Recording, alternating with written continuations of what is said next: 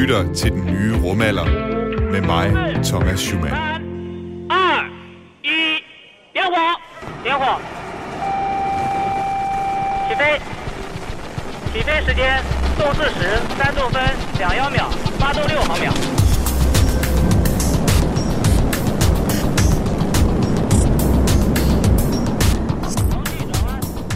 Selvom NASA stadig kan leve højt på, at de tilbage i 60'erne og 70'erne plantede amerikanske flag på månens overflade, så er der altså for tiden fuld kraft på den kinesiske måneraket. Mandag aften bulrede Chang'e 5-robotten afsted på en Long March 5-raket fra Hainan-provinsen i Kina og satte en kurs mod månen. Chang'e 5's opgave er at gøre det, som det indtil videre kun er lykkedes USA og Sovjetunionen at gøre. Den skal hente månestøv og månesten hjem til jorden.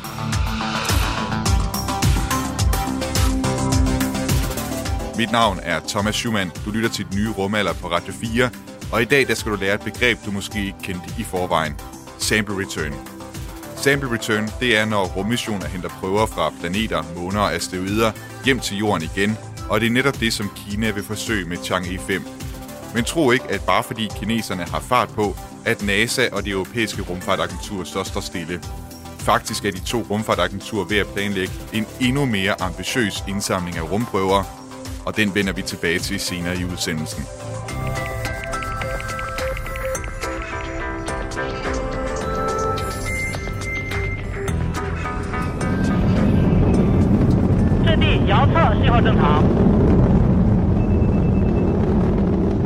Men først så skal vi dykke ned i Chang'e 5, og til det der har jeg nu forbindelse til Michael Linden Børne, der efterhånden her på den nye Rommaler er fast gæst men altså også er astrofysiker og chefkonsulent hos øh, DTU Space. Michael, tak fordi du vil være med i dag. Det var så lidt. Det, som adskiller Chang'e 5 fra Chang'e 1, 2, 3 og 4, det er, at den skal hente 2 kilo månestøv med tilbage til jorden. Og dermed så blev kineserne altså det tredje land i verden til at begå den bedrift. Sidste gang, der var, altså, der var en lignende mission, det var da Sovjetunionen tilbage i 76 med Luna 24-missionen hentede 170 gram støv tilbage til jorden. Hvad mener du, at det fortæller os om det kinesiske rumprogram, at de altså forsøger sig med sådan en mission? Jamen altså, det er jo en særdeles ambitiøs øh, mission, må man sige, som øh, kineserne har sendt afsted her.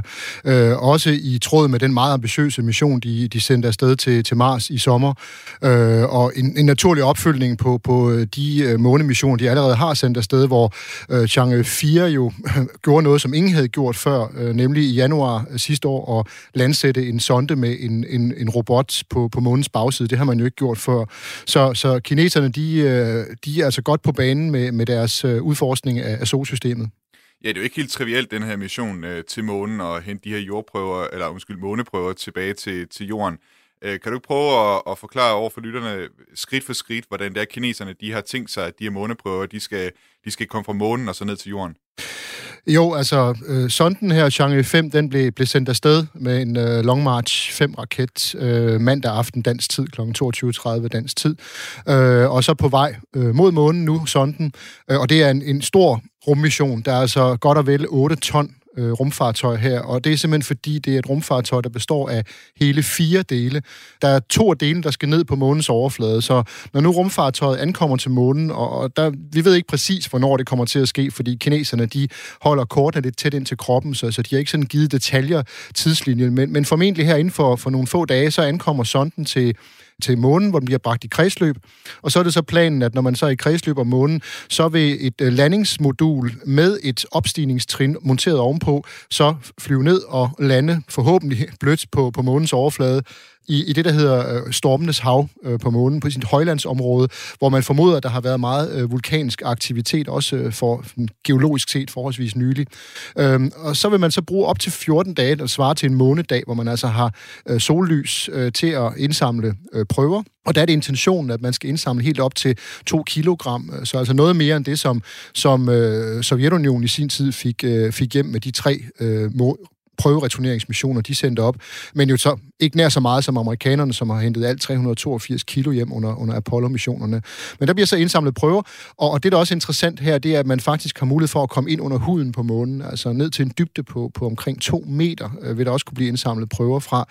Øh, og når så prøverne er på plads, jamen så vil det her opstigningstrin med prøverne så flyve op til den sonde, der er i kredsløb om månen, som så består af to dele. Øh, den del, som skal få øh, hele molevitten tilbage til jorden, og så en, en kapsel, hvor de her prøver bliver placeret, som så til sidst træder ind i jordens atmosfære og, og lander i, i faldskærm et sted i, i Mongoliet. Og igen, da tidslinjen ikke er helt fastlagt, så er det sådan noget en gang lige på den anden side af midten af december, sådan noget 15., 16., 17. december. Øh, det er der omkring, det kommer til at ske. Det er i hvert fald planen for Chang'e 5-missionen. Rent, rent videnskabeligt, øh, hvor værdifuldt er det så at få de her to øh, kilo månestøv øh, ned øh, til jorden? Jamen, det vil være rigtig, rigtig interessant. Øh, som jeg sagde før, så, så er det område, hvor, hvor Chang'e 5 lander, det er et uh, højlandsområde. Det ligger cirka 1500 meter højere end de omkringliggende lave lavasletter. Uh, og det der fidusen, det er, at de prøver, man indsamler her, de kan give forskerne indblik i, kan man sige, mere nylig vulkansk aktivitet på månen. Øh, de prøver, som man hentede hjem øh, under øh, Apollo-projektet, det var forholdsvis gamle prøver. De var sådan i omegnen af 3,5 milliarder år gamle, så det er altså noget, der stammer fra en, en tid fra vulkansk aktivitet på månen, som fandt sted i den første milliard år efter solsystemet, og dermed også månens dannelse. Så her har man altså mulighed for at få fat i noget yngre materiale, og noget, der måske kan, kan hjælpe forskerne med at finde ud af, hvor lang tid har der egentlig været vulkaner på månen, aktive vulkaner. Fordi nogen siger, at det her materiale i det her område i Stormenes Hav øh, kan måske være helt op til, til, til kun 2 milliarder år gammelt, og det er selvfølgelig gammelt sådan set i, i menneskeligt perspektiv, men geologisk set er det jo meget kortere end, end, end det noget ældre materiale, man har hentet hjem fra Apollo. Men det er lidt i modstrid med de modeller, man har for, for månens vulkanske aktivitet, så, så, så der, der ligger altså noget rigtig, rigtig interessant øh, forskning, der kan komme ud af, af at kigge på de her prøver. Og de her sample return missioner, som det her det er jo så er en, en del af, hvad er det, de kan, i, som, som for eksempel en mission, der, kineserne har jo også sendt andre missioner øh, op til månen, ikke? altså rover og sådan noget, der kører rundt op.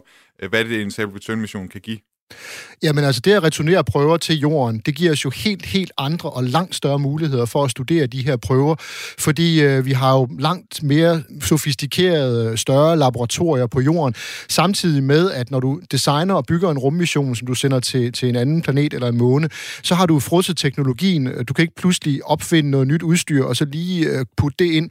Øh, her på jorden, der fortsætter udviklingen, det vil sige, at øh, når prøverne bliver hentet, så har man en teknologi, men så måske om et år, så har man udvikle nogle nye måder at undersøge prøverne på, og på den måde, så, så vil man kunne blive ved med at virkelig at maksimere udbyttet, så du har meget bedre muligheder for at hive videnskab ud af det ved at få det tilbage til jorden.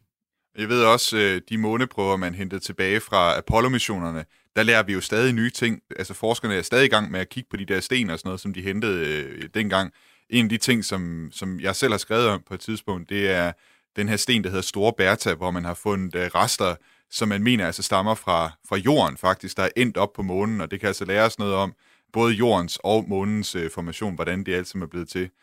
Jo, lige præcis, og man kan jo sige, der er jo flere fordele. En ting er, at man har langt mere effektive og sofistikerede laboratorier på jorden, men det er jo også sådan, at man kan jo vende tilbage til de prøver, man har indsamlet og har til, bragt tilbage til jorden, netop når der opstår nye idéer og nye teorier. Hvis først man har haft en rummission afsted, den har en vis levetid, så, så, så kan man sige, at der er ikke mere at komme efter. Men her kan der jo godt gå 10, 20, 50, 100 år for den sags skyld, og pludselig får man en ny indsigt, og så vil man undersøge de her prøver med et helt nyt lys, og, og så kan det være med til at, at, at bane vejen for fundamental ny viden. Så det at hente prøverne tilbage til jorden, det er bare på alle mulige måder særdeles værdifuldt.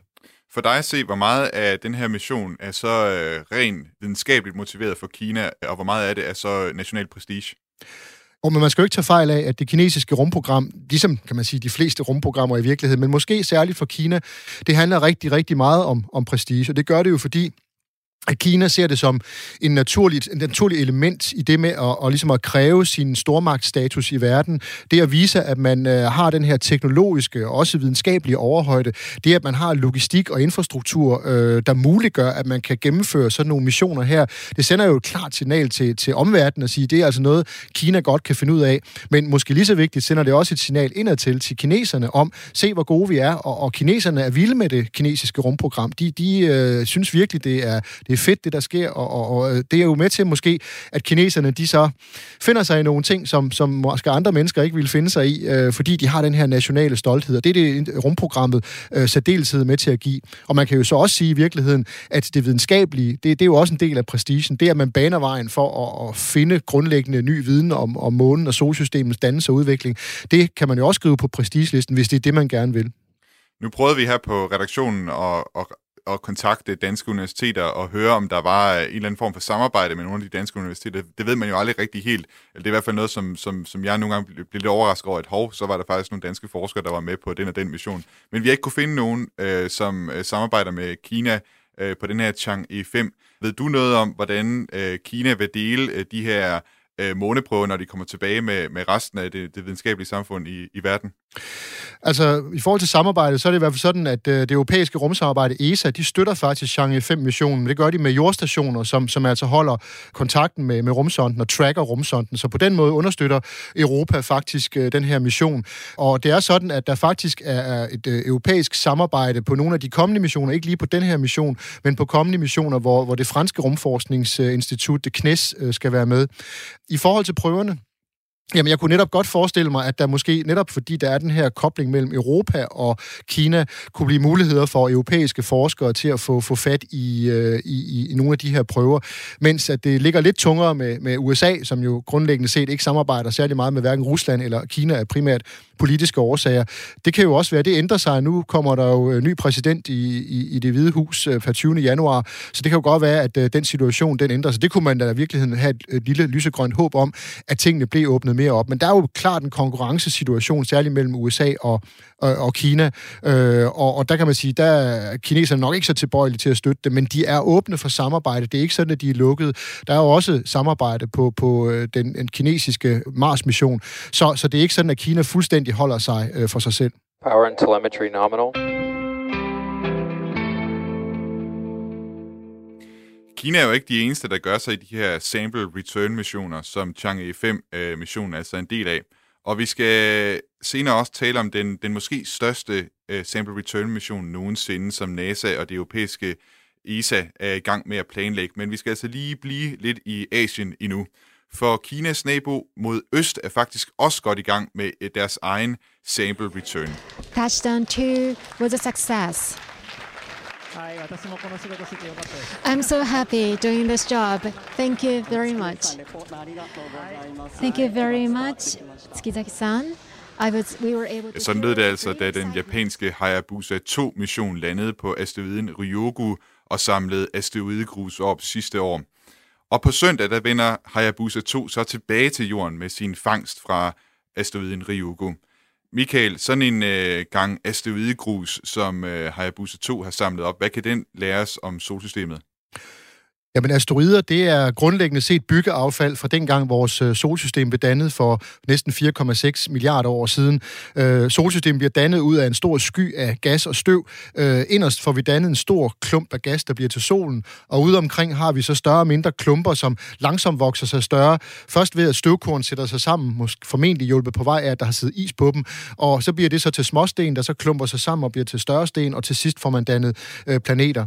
Men der er altså rester fra, fra den her tid, og særligt mellem øh, Mars og Jupiters baner, der har vi det, der hedder asteroidebæltet, hvor øh, vi har en masse større og mindre klumper af, af stenmateriale, kul og jern og hvad de ellers består af, som altså er rester for den her tid delvist forarbejdet, men, men ikke noget, der nåede at blive til en planet, øh, formentlig fordi Jupiter med sin øh, kraftige tyngdekraft, jo solsystemets største og tungeste planet, simpelthen ikke har øh, tilladt de her klumper, øh, sten og klumpe sig sammen til, og til at blive til en planet. Så ved at studere dem, så kigger vi altså tilbage i tiden. Det er en form for tidskapsel, der kan lære os noget mere om, om forholdene i, i det tidlige solsystem, og dermed om, øh, hvordan vores planetsystem er blevet dannet og har udviklet sig. Og den her mission, de her asteroidegrus, som Hayabusa 2 har samlet op fra Ryugu, det vender altså tilbage på søndag. Er det noget, man skal sidde og bide negle over, om det nu også lykkes at, at trænge gennem atmosfæren? Altså, man skal altid bide negle. Altså, den slags missioner, der er jo altid sådan, de, de tre kritiske faser. Der er opsendelsen, og så er der det at komme tilbage til jorden. Den første kritiske fase, det er at få skidtet finansieret, men sådan er det jo med, med den slags. Men, men altså, det at vende tilbage, jamen, der kan gå mange ting galt. Det har man jo set på, på nogle missioner. For eksempel den øh, amerikanske mission Genesis, der skulle øh, returnere prøver af solvinden, og øh, der, der var man så hysterisk med, at sonden ikke skulle lande på jorden. Man ville fange den i luften, mens den dalede ned i sin faldskærm. Men den crash crashede altså i Utah saltørken, simpelthen fordi, at de accelerometre, der skulle måle, om øh, sonden øh, bremsede ned, fordi den ramte atmosfæren, at de var monteret forkert, så, så den fik aldrig udfoldet sin faldskærm og styrtede ned. Så, øh, Hvor, hvorfor var det, man ville fange den i luften og ikke øh, bare lade den lande? Simpelthen fordi man ville være helt sikker på, at de her prøver, man havde indsamlet, at de ikke kunne blive forurenet på, på nogen måde. Så, så det var planen simpelthen at, at fange den i luften. Det kom man så ikke til. Man fik så alligevel bjerget nogle af de her solvindsprøver, så, så helt galt gik det trods alt ikke. Men det er kritisk øh, at komme tilbage til jorden på den måde. Der er selvfølgelig altid noget, der kan gå galt. NASA er jo også i gang med missionen OSIRIS-REx, der skal gøre det samme som Hayabusa 2 i virkeligheden, bare fra asteroiden Bennu. Øh, er det, kan man sige noget om, om det er sværere eller nemmere at hente prøver hjem fra asteroider end fra, end fra månen? Jamen, altså, på nogle områder er det nemmere, på andre områder er det, er det sværere, kan man sige. Og, og den måde, det er nemmere på, det er, at øh, du ikke behøver at lande på overfladen. Det har hverken Hayabusa 2 eller, eller Osiris-Rex, de er ikke landet på deres asteroider, men egentlig bare gået ned og lige øh, rørt ved dem, øh, sådan haft kortvarig kontakt, samtidig med, at man samlede prøver, og så fløjet væk igen. Øh, så man slipper for det her med, at man skal have et, et ekstra man sige, modul eller rakettrin, der kan bringe prøverne fra månens overflade og tilbage ud i rummet, enten direkte til jorden, som, som man gjorde med de sovjetiske Luna-missioner, eller via sådan en sammenkobling med et øh, fartøj, der skal bringe prøverne tilbage til jorden, som man gør med, med den kinesiske Chang'e 5-mission. Så, så på den måde så at sige, ja, øh, det er en fordel, men det, der kan være ulempen, det er så i virkeligheden, at asteroider, de har en, en meget, meget øh, svag øh, tyngdekraft, fordi de ikke er særlig store og dermed ikke særlig tunge. Og øh, det gør jo så, at det kan være svært at, at navigere, det kan være svært at, at, at virkelig at komme ned på den på den rigtige måde og få fat i materiale. Men det ser ud til, at både Hayabusa 2 og, og, og, og hvad hedder det, Osiris Rex har været succesfulde, og Osiris Rex, der må vi så vente lidt længere, der er det jo planen, at den skal forlade sit, sit besøg på, hos Bennu i, til foråret her i 2021, og så skal prøverne blive returneret til jorden i september 2023. Liftoff. Go Falcon, go GPS. Nu har jeg et par gange nævnt, at NASA og ESA altså er i gang med den nok mest ambitiøse sample return mission. Mars scientists are now ready to take the next big step, bringing Martian samples back to Earth, where the full power of our terrestrial laboratories could be applied to unlocking the story of the red planet's geology, climate, and especially its potential for life either in the past. Det er selvfølgelig en mission, der skal hente støv, klippe, sten og grus med hjem fra den røde planet. Og selvom vi slet endnu ikke har bygget den kapsel, der skal returnere Marsprøverne til jorden, så er vi faktisk allerede i gang med at tage de første skridt på vejen. 5, 4, engine ignition, 2, 1, 0. Release and lift off. As the countdown to Mars continues, the perseverance of humanity launching the next generation of robotic explorers to the red planet. Coming up on 30 seconds into flight, the RD-180 is throttling down as expected. Engine response looks good. I sommer der sendte NASA robotbilen Perseverance afsted mod Mars, og den skal altså lande på planeten den 18. februar. Michael, øh, hvad er det for et første skridt Perseverance den skal tage i forhold til at hente prøver hjem fra Mars? Jamen det, som øh, Perseverance den skal, det er i virkeligheden, den skal finde de aller, aller mest interessante prøver, øh, som kan være kan man sige, umagen værd at få tilbage til jorden. Og det er sådan en, kan man sige, en, en proces, der har flere trin, fordi robotten er udstyret med et øh, kamera, der selvfølgelig ser sig omkring i landskabet, øh, og så er den udstyret med et særligt kamera, som har en laser, der kan få dele af stenmateriale til at fordampe, så man kan sådan lave en grov analyse af, hvad det består af. Hvis man så finder nogle sten, som enten på grund af deres udseende eller sammensætning ser særlig interessant ud, ja, så har man mulighed for at undersøge det med forskellige instrumenter, blandt andet det instrument, der hedder Pixel, som vi på DTU Space har været med til at bygge, øh, som skyder skyder røntgenstråler ind i stenmaterialet, så man kan se præcis, hvad det er lavet af. Det kunne så for eksempel afsløre, afsløre spor efter øh, forstenede rester af liv på Mars, altså bakterieslim, som er forstenet. Øhm, og så tænker man, det der, det skal vi simpelthen have med tilbage til jorden i et laboratorium. Og, og der er Perseverance udstyret med sådan et, et, et prøveopsamlingsaggregat, som indeholder øh, 39 små, kan man sige nærmest reagensglas. De er sådan cirka 6 cm lange, og de har form som sådan en, en cigar.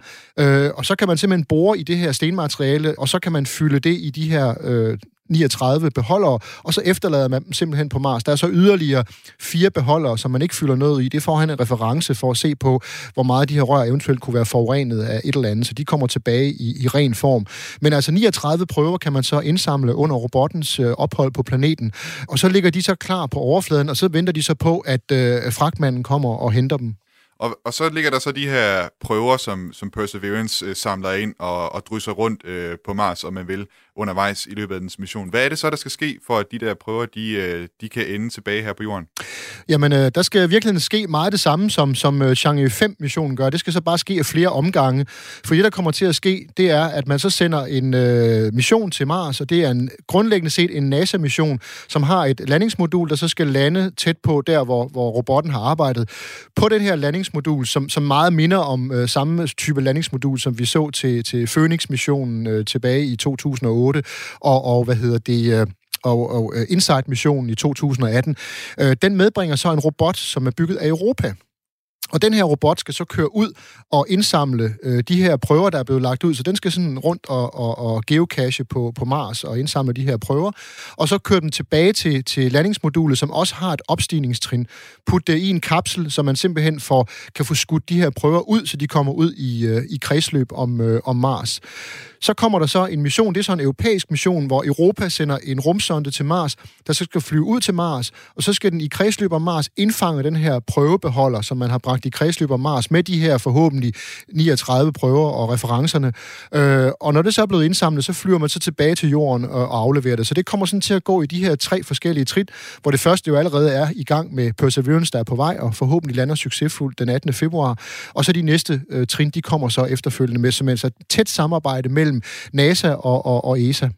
Altså lige for at opsummere, så, så det lyder på mig som om, altså NASA sørger for at lande den der rover, og, og så er det europæerne, der kører med roveren ud og henter prøverne. Ja, på et og, landingsmodul, ja. som er bygget af NASA. Så ja. det er sådan NASA landingsmodul og opstigningstrin med en ESA-robot, som indsamler prøverne. Ja. Og den kører så tilbage til det der NASA-modul, som så sender det i rummet, ja. op til en europæisk satellit. Det, lyder, det lyder jo noget kompliceret, må man sige. Det er sandelig også øh, kompliceret, men, men altså i virkeligheden adskiller det sig ikke så meget fra, fra, fra den modus, som der er på Chang'e 5-missionen. Øh, bortset fra, at der gør man det så på én gang med én mission. Her deler man det så over tre forskellige opsendelser med tre forskellige øh, missioner. Men NASA har altså også haft øje for, at den her mission den er rimelig kompliceret, og derfor er de tidlige forløbet nedsat et uafhængigt udvalg, som altså skulle sørge for at holde øje med, at der ikke gik kluder i hele missionen undervejs. Og det her udvalg, det fremlagde den 10. november deres anbefalinger til NASA. NASA established the board to evaluate the agency's early concepts for an international partnership with the European Space Agency for one of the most difficult missions humanity has ever undertaken to return the first samples from another planet. Ja, udover at konstatere, hvor svær en opgave det er, de to rumfartagenturer de står overfor, så anbefalede udvalget blandt andet, at missionen den udskydes med to år i forhold til det, NASA havde planlagt. Michael, hvornår kan vi øh, regne med, at de her prøver de kommer tilbage til jorden? Ja, men altså, det er jo sådan, at man kan køre til Mars øh, hver andet år cirka. Øh, det er sådan, at med 26 måneders mellemrum, der står Jorden og Mars tættest på hinanden. Så sådan cirka med to års mellemrum kan man sende missioner til Mars. Så nu sendte vi tre missioner afsted her i sommer øh, 2020, og, og så næste gang øh, bussen kører, det er så i 2022. Det er her, man vil opsende den europæiske øh, robot, øh, øh Rosalind Franklin, som er en del af ExoMars 2020-programmet. Øh, så næste mulighed, det er så i 2024, øh, hvis man kan nå at blive klar til, til 2024. Øh, og så skal man man ud til Mars og så videre. Og så kan man sige, så næste gang igen, der er mulighed, så er vi så frem i 2026, øh, hvor man øh, så kan måske være heldig at få prøverne hjem, sådan at man måske i 2027 kan have prøverne tilbage. Så det er den optimistiske tidsplan. Det kan også godt være, at det hele så rykker sig yderligere to år, så man altså tager afsted i 26 og 28, og så først får, får prøver tilbage i, i, i 29. Men det er bestemt realistisk, at øh, den her prøvereturneringsmission, at den kan nå at, at komme hele vejen igennem og få de første prøver fra Mars tilbage til Jorden øh, inden udgangen af 2020'erne, altså inden vi siger, kan skifte øh, kalenderbladet til 2030. Nu har jeg altså beskrevet den her mission til at, at hente øh, prøver tilbage fra, fra Mars som mere ambitiøs end øh, den kinesiske Chang'e 5. Kan man godt stille det sådan op? Er, er du enig i den opstilling? Ja, det er det. Øh, og man kan sige, øh, det er bare sværere, og vi har ikke gjort det før fra Mars. Det har man trods alt gjort før fra månen, og, og ikke fordi man skal nødvendigvis bruge det som argument, men, men altså, der er flere forhold, øh, der gør, at det er vanskeligere. Mars har også en stærkere tyngdekraft end, end månens. Der er andre forhold på Mars, øh, vejr og vind simpelthen, der gør det mere udfordrende øh, at gennemføre den her mission. Også det, at missionen udfolder sig over så lang tid, øh, hvor månemissionen, nu kan man sige, sovjetiske Luna-missioner, de fløj ned, landede, samlede op, fløj, og så direkte tilbage til jorden igen. Så der var ikke så meget kompleksitet i dem. Men øh, Øh, selv her med Chang'e 5, så er der igen ikke så meget kompleksitet øh, i forhold til, at man trods alt gennemføre hele missionen inden for nogle øh, få uger. Øh, det er noget at skulle strække det ud over mange år øh, og få det her til at, at fungere. Men omvendt har man så også mulighed for øh, at justere og tilpasse undervejs, hvis man får øje på nogle problemer, som man måske ikke havde kendt før. Men, men der er ingen tvivl om, at Sample Return fra Mars, det, det er øh, det største, der hidtil er blevet prøvet inden for, for, for ubemandet rumfart. Michael Linden Wørnle, astrofysiker og chefkonsulent hos DTU Space. Tak fordi du var med for at tale om sample returns i dag. Det var en fornøjelse.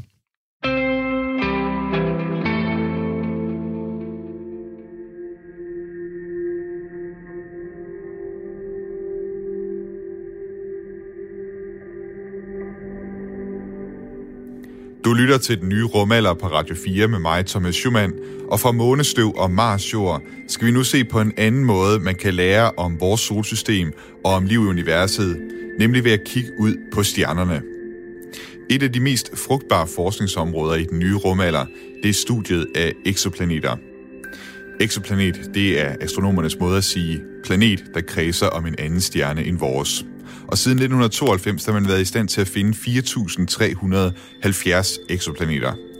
Det har imidlertid skabt lidt af et mysterium for planetforskerne.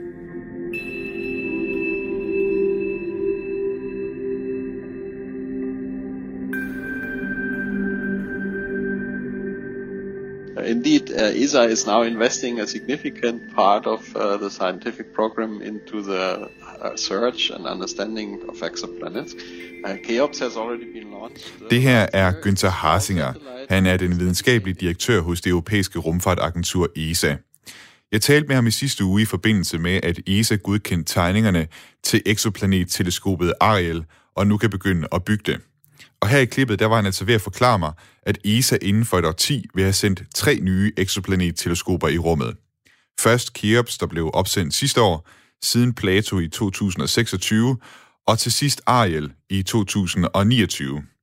Det er særligt Ariel, der skal kaste lys over planetforskernes mysterium. We were always using the solar system as an example, so it has three, four rocky planets inside and the four uh, gas and ice giants outside det er først for nylig, at astronomerne har fået rumteleskoper, der er stærkt nok til at kunne finde planeter uden for vores solsystem. Indtil da, så må de tage sig til takke med at bruge planeterne i vores eget nabolag som basis for deres teorier om, hvordan planeter bliver til og finder deres baner rundt om stjernerne. Så tanken var altså, baseret på vores eget solsystem, at små klippeplaneter vil samle sig tæt på stjernen, ligesom Merkur, Venus, Jorden og Mars ligger tættest på solen, mens det gas, som nu er blevet til gaskæmperne Jupiter, Saturn, Uranus og Neptun, blev blæst længere ud i solsystemet af solvinden. But then when we discovered the very first exoplanet, we saw a, a planetary system where a Jupiter-sized planet was extremely close to its star, closer than Mercury. And that already threw over all of our theories, uh, because that has never been realized that this could happen. Men den allerførste exoplanet, vi opdagede, det var altså en planet på størrelse med Jupiter, der kredser tættere på sin stjerne, end Merkur gør rundt om solen. Det kastede alle teorierne op i luften.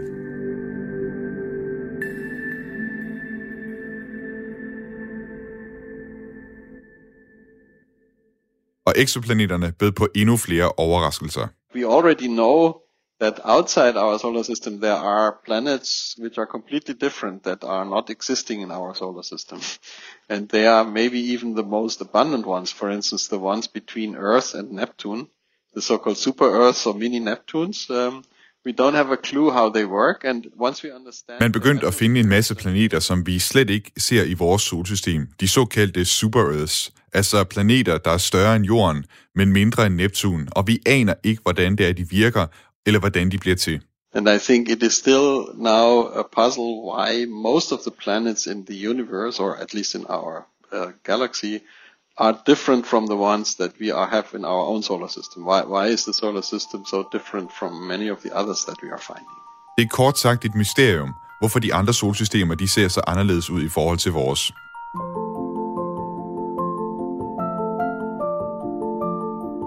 På hver sin måde kan ESA's tre nye teleskoper være med til at kaste lys over mysteriet.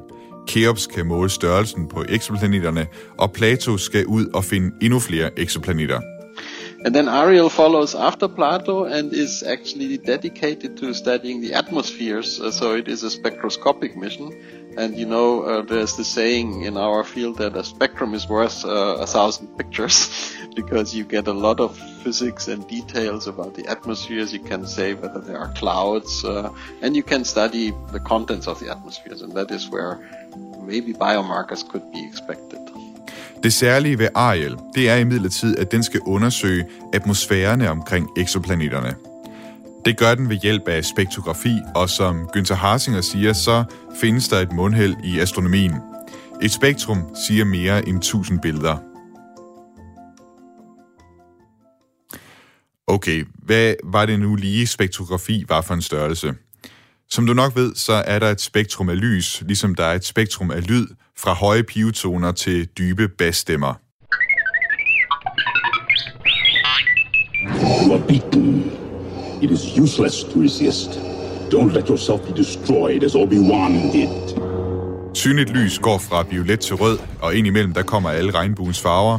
Og på den anden side af regnbuen, den del af lysets spektrum, som vores øjne ikke kan se, der findes det ultraviolette og infrarøde lys.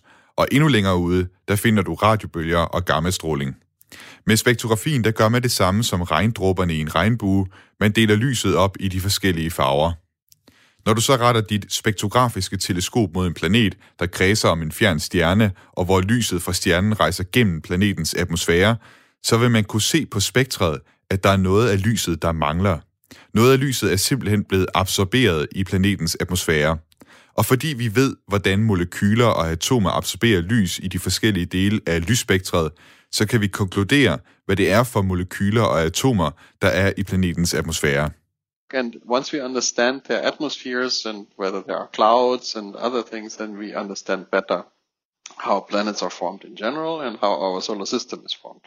Okay, so Ariel, what, how, the way that Ariel will contribute to the knowledge of uh, exoplanets is about the formation of exoplanets and, and also the composition of them?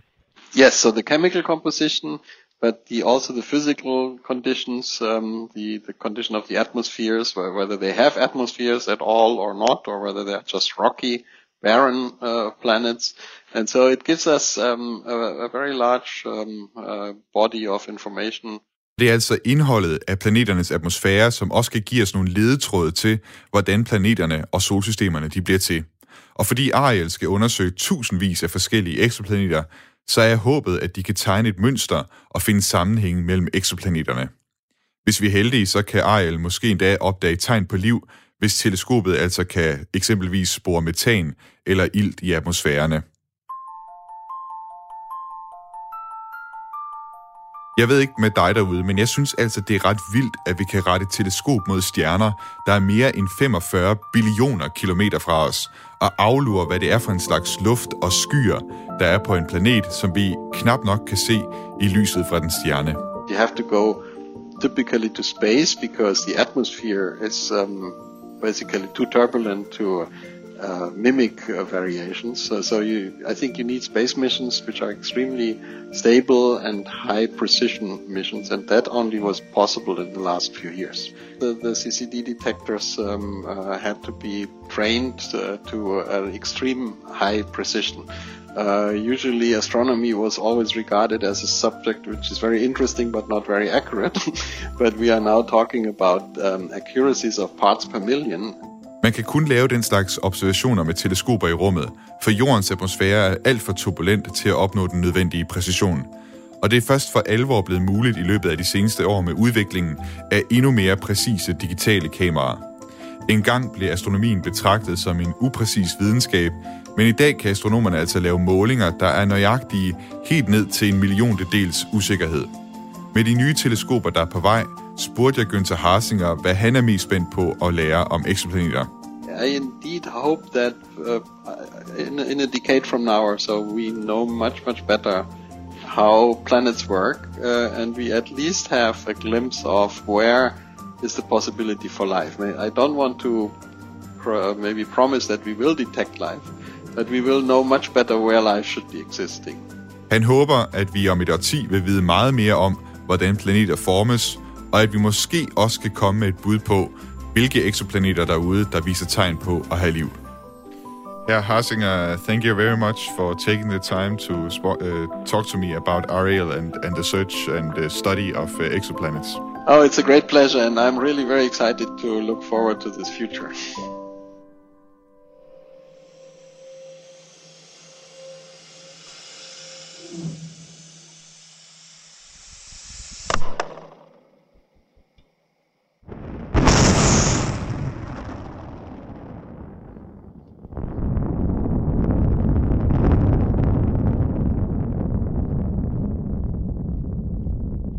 Sådan lød det den 19. november et sted ude over Stillehavet ud for New Zealands nordlige kyst, da det andet trin på Rocket Labs Electron-raket frakoblede sig det første trin, tændte for raketmotoren og drønede afsted ud i rummet og i kredsløb om jorden. Den eneste grund til, at du kan få lov at høre det her i så god kvalitet, det er fordi elektronrakettens første trin slap mere eller mindre uskat ned gennem jordens atmosfære, sådan som vi også talte om i sidste udsendelse af den nye rumalder, og altså kunne returnere en video, der blev optaget ombord på raketten. Dermed gør Rocket Lab sig for alvor klar til at melde sig ind i den eksklusive klub af virksomheder, der kan genbruge rumraketter, og hvor der indtil nu kun har været et medlem, SpaceX. Thanks for joining us again for a another Rocket Lab update, this time on recovery. Um, obviously, you're all aware of the return to sender mission that we launched. Men selvom der er en masse fordele ved at genbruge raketter, så er der i hvert fald også en ulempe, man skal tage højde for.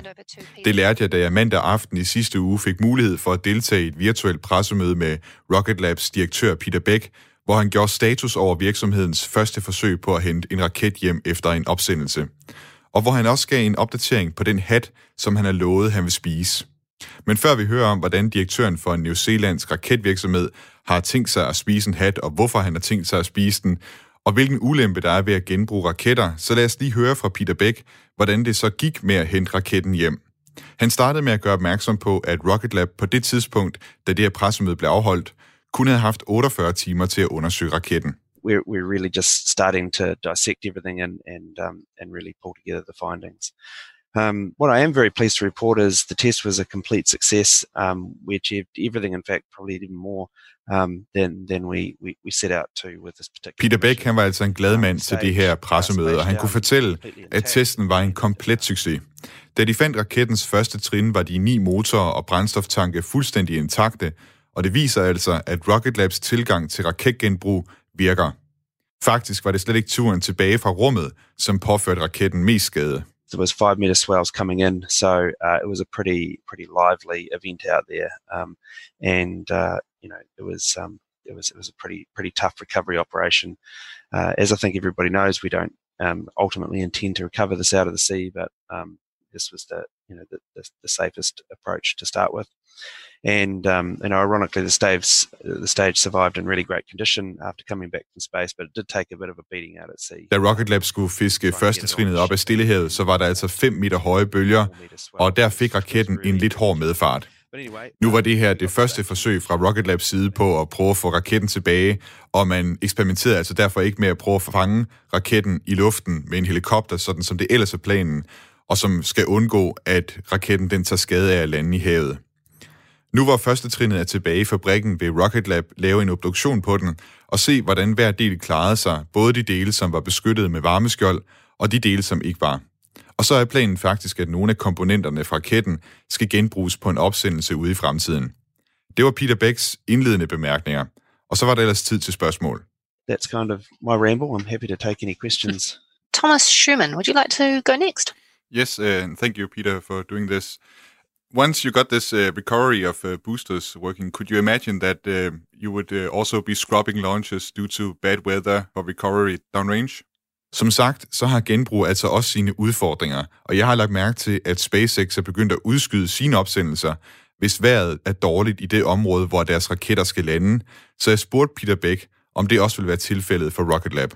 Yeah, hey Thomas, that, that's a great question, and uh, yes, that that is that is the double-edged sword, right? Is that um, is you do add in another operational constraint um, for sure, um, but I mean that's that's that's what we're um, th- th- you know this is why it's important to to do these tests and and really understand. We have been um, modelling the and, and monitoring the weather conditions uh, for quite some time in the various uh, splashdown zones, and there are sometimes a year, some time of years that are, that are worse. Det er et tvækket svært med genbrug, for selvom Rocket Lab har studeret vejrsituationen, så går man altså ind til det her med åbne øjne, og der vil bare være dage, hvor vejret er så dårligt ud over Stillehavet, at man må vente med at opsende raketten.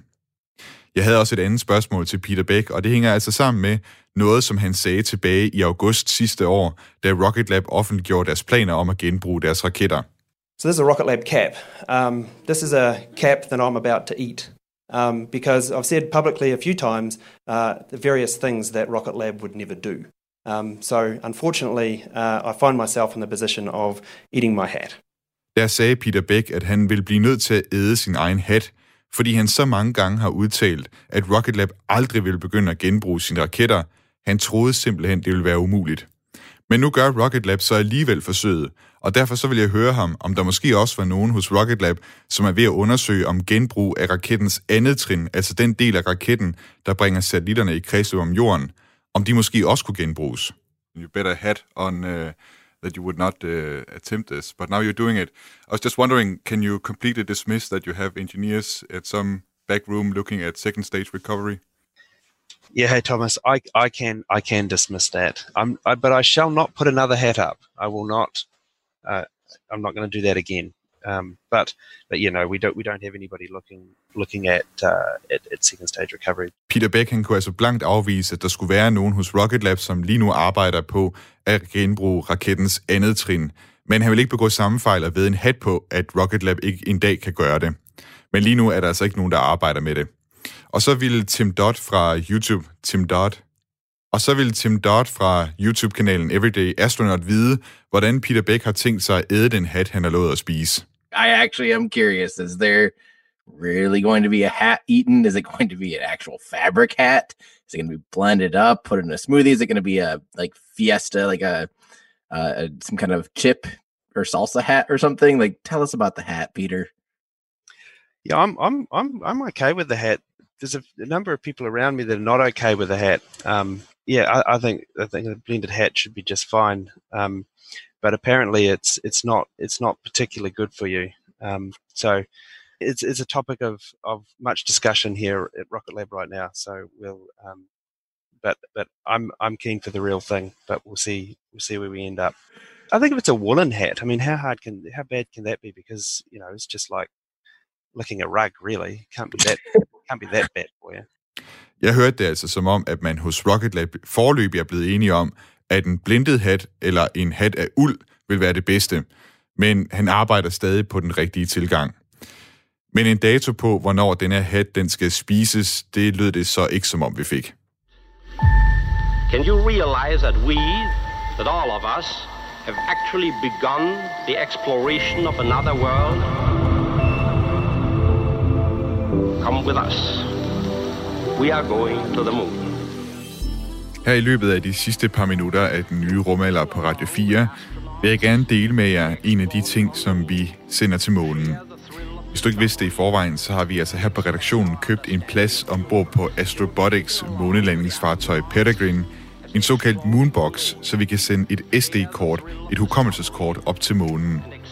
Det skal være et slags postkort eller en tidskapsel om Danmark, så vi sender så at sige Danmark til månen, og alle, der har lyst, kan altså sende deres forslag eller egne bidrag ind, eller hvad I nu har lyst til at sende med på det her SD-kort til månen.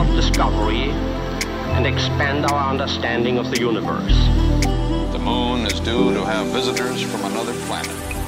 Den 16. november modtog jeg den her mail. Hej, sjovt initiativ, og vi har bredt det ud og bedt medlemmer af Dansk Forfatterforenings haiku-gruppe og haiku-netværk hver sende digt, som skal ligge på det lille hukommelseskort på månen. 17 haiku-digter har sendt ind, og det vil vi gerne have sendt med til månen. Mange hilsner Bjarne Kim Pedersen, sekretær for haiku-gruppen. Og jeg må sige, det er altså nogle meget fine digte, at haiku-gruppen har sendt ind til os. Og her til allersidst i udsendelsen, der kan du altså høre nogle af de her digte blive læst op af digterne selv. Men først, så skal vi lige høre fra Bjarne Kim Pedersen, der altså er altså sekretær i haiku-gruppen, om hvorfor det var, han valgte at engagere Heiko-gruppen i at sende digte til månen. Hvorfor var det, at I hos Dansk Forfatterforenings Heiko-gruppe mente, at der skulle sendes Heiko-digte til månen? Det er fordi, at øh, haiku er sådan et, øh, et dejligt, lille, nemt øh, måde at skrive digte på, og som udtrykker så meget. Og så, så tænkte, overvejede jeg i første omgang selv at skrive, eller at sende noget til, ja, og så var det tænkt, jamen det kunne jo godt være, at øh, nu jeg sætter som sekretær for, for haiku-gruppen, at øh, få nogle andre til, øh, for de andre, der er medlemmer af, af gruppen og netværket, til at skrive. Det, er- det er jo 17 haiku-digte, vi har fået. Øh, hvor stor er den her haiku-gruppe?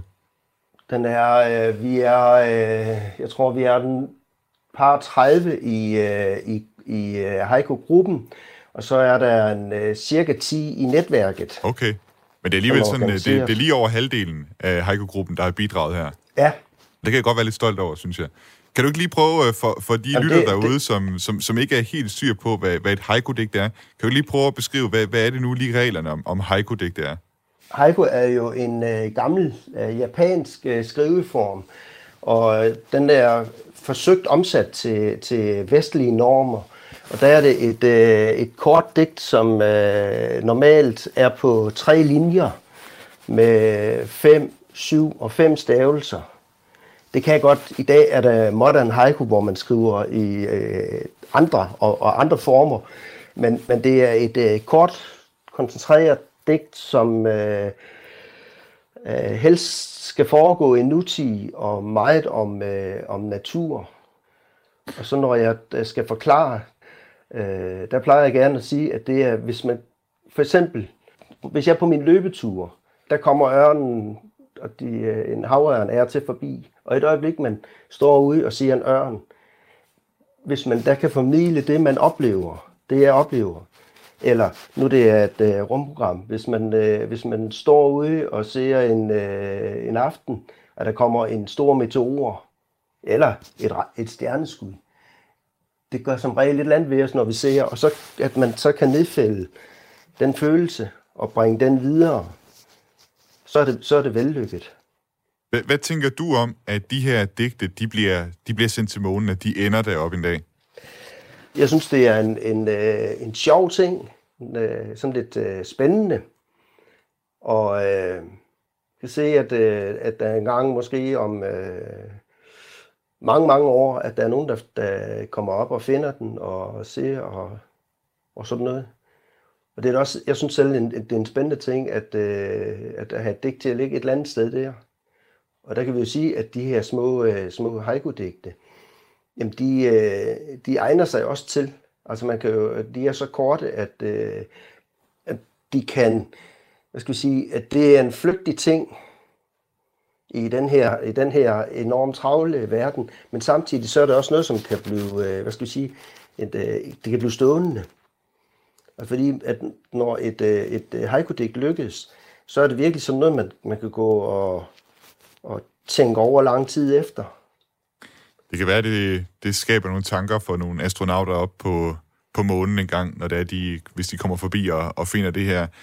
Bjarne Kim Pedersen, sekretær i øh, Dansk Forfatterforenings Haiku-gruppe. Tak fordi du var med, og, og, og tak fordi I har sendt, øh, du fik ideen i det hele taget til at sende de her digte ind. Jeg glæder mig til at, at sende dem op til månen. Ja, velbekomme. Vi glæder os også til at komme derop. Udover at jeg altså har lagt en pdf med de 17 haiku-digte over på SD-kortet, så bad jeg haiku-gruppen om ikke de kunne indtale deres digte, så I derude altså også kan høre dem her i radioen. Her er et udvalg af det, jeg har modtaget. Det natsorte hav, månens sølvstribede vej, den svømmer jeg på. Mand med hat møder anden mand med hat, hilser og går videre.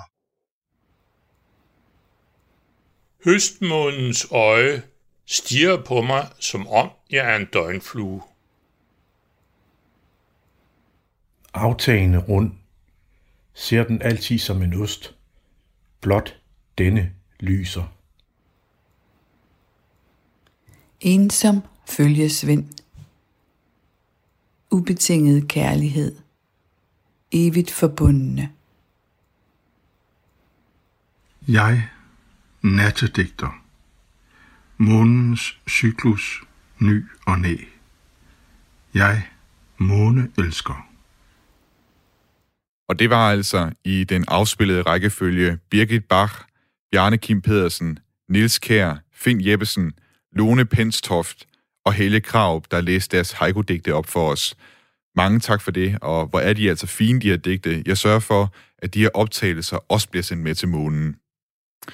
Så spurgte Bjarne Kim Pedersen mig også om, hvornår der er deadline for at indsende forslag og bidrag til SD-kortet. Og jeg skal altså først modtage en æske fra Astrobotic, den såkaldte Moonbox. Og den har de tænkt sig at sende afsted efter Thanksgiving over i USA. Og det var altså i sidste uge, så det kan være, at de allerede har sendt den afsted fra USA mod Aarhus. Når jeg har modtaget den her Moonbox, så har jeg 60 dage, før den skal være tilbage hos Astrobotic med SD-kortet ombord. Så jeg vil sige, at en forløbig deadline er en gang i starten af det nye år, altså en gang i januar. Men jeg skal selvfølgelig nok holde jer opdateret med den præcise deadline.